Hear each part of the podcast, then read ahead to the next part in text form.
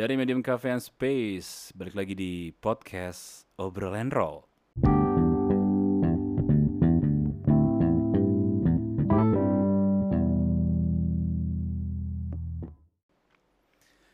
Hari ini di record tanggal berapa nih? 26 Desember 2021. Jadi sebentar lagi kita akan memulai tahun baru ya. Tahun yang baru 2022. Terima kasih buat tahun 2021 eh, buat segala macam pelajarannya. Jadi eh, ini ya obrol and roll lama banget nggak bikin podcast karena gue lagi bikin podcast satu lagi tapi bareng anak-anak deh bareng tim juga si Infopensi Radio habis bingung ya kalau ngomong sendiri ngomongin apa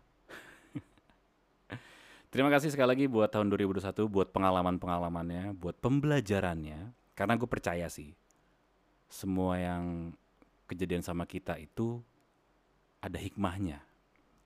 Mau enak, mau nggak enak, ada proses belajarnya di situ. Kalau nggak enak ya udah ketahuan kan, oh kayak gini ya. Jadi besok-besok kita bisa jaga-jaga tuh antisipasi biar nggak kejadian lagi.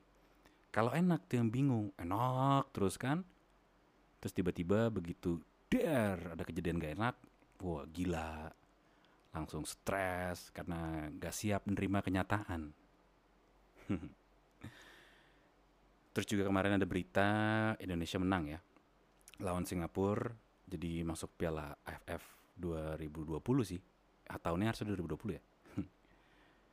Walaupun ini ya banyak-banyak drama ya kayak kalah dulu, menang, kartu kuning, kartu merah gitu deh.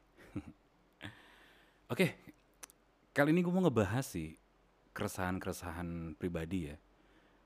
Kadang gue suka mikir, ini orang kaya beneran atau emang anak orang kaya gitu. Jadi bedanya anak orang kaya dan beneran orang kaya, apa sih bedanya?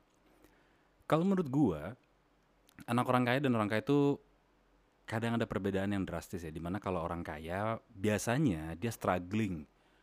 Dia itu pengen ngerubah nasib gitu kan. Jadi kerja ker lebih keras habis itu berpikir lebih keras habis itu juga gaya hidupnya juga nggak terlalu mewah-mewah gitu kan. Tapi kalau misalnya basicnya udah terlahir enak apa-apa tersedia biasanya nih ya ini nggak semua loh sekali lagi biasanya mentalnya kurang banyak juga anak-anak orang kaya yang akhirnya doing business gitu kan dan sukses. Dan baik juga yang bilang wah lu punya privilege lu enak. Tapi bagus sih menurut gue. Dia anak orang kaya yang lu nggak kekurangan apa-apa tapi masih mau struggling masih mau mikir masih mau kerja gitu loh. Oke sih menurut gue. Dibanding lo yang setiap hari ngabisin duit orang tua nggak jelas lagi ngabisinnya buat apa buat nongkrong, buat beli kebutuhan tersier, bergaya ala-ala selebgram. Buat apa? Karena gue percaya sih kalau misalnya lo mau nyari duit, ya itu harus pakai duit gitu loh. Even lo kerja kantoran aja kan di bulan pertama nggak langsung lo dapat gaji. Lo harus pakai modal sendiri dulu kan. Terus kalau tarik lagi garis ke belakang, untuk ngelamar kerja lu butuh ijazah. Di mana ijazah itu lu perlu modal dari orang tua lo ya. Sekolah SD SMP SMA kampus gitu kan S1 itu kan perlu biaya. Dan yang paling menonjol sih dari sisi perbedaan orang kaya dan anak orang kaya adalah mental sih. Biasanya nih ya kalau misal orang kaya ya dia udah nggak butuh apa-apa lagi. Ya ibaratnya lo ngasih orang uh, bentuk bantuan ya infak gitu berbagi ya dia udah dikasih aja. Karena nggak butuh apa-apa orang kaya itu nggak butuh apa-apa karena dia udah punya semuanya. Atau mungkin karena dia tahu nih ini yang penting ini yang bisa gue investasiin lagi dan memutar uangnya lagi atau ini cuma buat ya perhiasan semata aja buat sosial status lo aja gitu loh. Tapi biasanya kalau misalnya anak orang kaya ya yang terakhir udah punya semuanya cenderung mem mau membuktikan ke masyarakat atau ke netizen lah ya gue ini orang kaya loh Jadi biasanya beli barang-barang yang nggak penting-penting banget, yang penting mahal. Habis itu eh, perilaku konsumtif yang penting diakui di sosialita, di sosial eh, masyarakat lah ya. Jadi orang-orang sosialita gitu. Cenderung konsumtif dan akhirnya ya anggot-anggotan aja. Jadi kalau misalnya dikasih tantangan gitu, begitu nggak berhasil pusing sendiri, nyerah gitu aja. Karena biasanya kan orang kaya yang apa-apa udah tersedia gitu. Ya pilihan sih ya, mau jadi anak orang kaya atau lo punya mental yang kaya gitu. Biasanya kelihatan ya kalau misalnya yang benar-benar kaya tuh dari penampilan juga sederhana aja. Karena kebanyakan dari uang dia diputar lagi, diinvestasikan lagi. Karena berinvestasi itu kan juga mikir ya. Maksudnya dia akan ngebaca, nih kira-kira ke depannya gimana nih ya untuk gue invest di sini apakah menghasilkan atau enggak. Jadi perlu perhitungan-perhitungan yang oke okay sih menurut gue. Cuman kalau misalnya lo mentalnya yang cuman konsumtif, sehari makan di sini, foto kan. Abis itu pindah lagi, makan lagi, fancy, foto lagi. Iya kadang memang sosial media diciptakan untuk pamer ya. Gue juga kadang melakukan itu gitu loh. Pamer stuff gitu loh, pamer barang yang gue punya gitu kan. Cuman tujuan gue bukan buat diakuin sih, tujuan gue buat ya nyari komunitas lain siapa tahu, ya lo juga ternyata suka sama action figure. Jadi akhirnya jadi omongan juga, jadi dapat info-info gitu kan. Oh ternyata kalau beli di sini lebih murah. Oh di sini cara merawatnya kayak gini. Bukan butuh pengakuan kayak wih gila sekarang hidupnya udah enak. Enggak sih gue nggak butuh itu sih. Buat apa?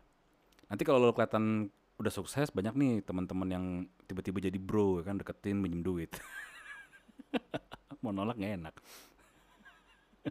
Nggak nggak bercanda. Karena kalau biasa orang terlalu mikirin status sosial gue diakuin apa enggak? Itu biasa akan menjadi nambah beban pikiran sih. Salah satu hal yang bikin lo nggak stres adalah jangan nyari tahu dan jangan berusaha tahu. Maksudnya jangan berusaha tahu masalah orang atau ngulik-ngulik kesalahan orang sih. Buat apa juga gitu loh. Mungkin kalau misalnya kisah sukses bisa lo pelajarin gitu kan. Yang gue pelajarin bukan suksesnya bu tapi perjalanannya gitu loh. Dia pernah gagal di mana pelajaran apa yang bisa gue ambil dari situ. Jadi kalau kita nanti akhirnya melakukan hal yang sama seperti entrepreneur atau misalnya mau ngapain gitu kan jadi udah ada kisi-kisinya gitu loh.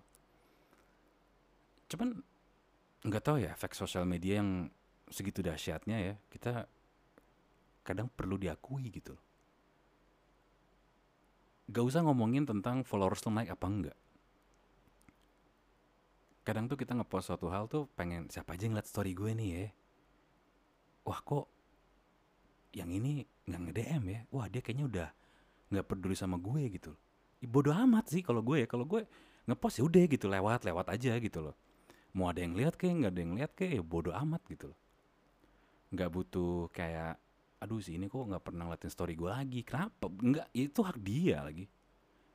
Kadang kalau terlalu annoying pun gue juga males gitu untuk apa ya untuk ngasih komentar gitu loh. Jadi males aja jadi omongan juga kan.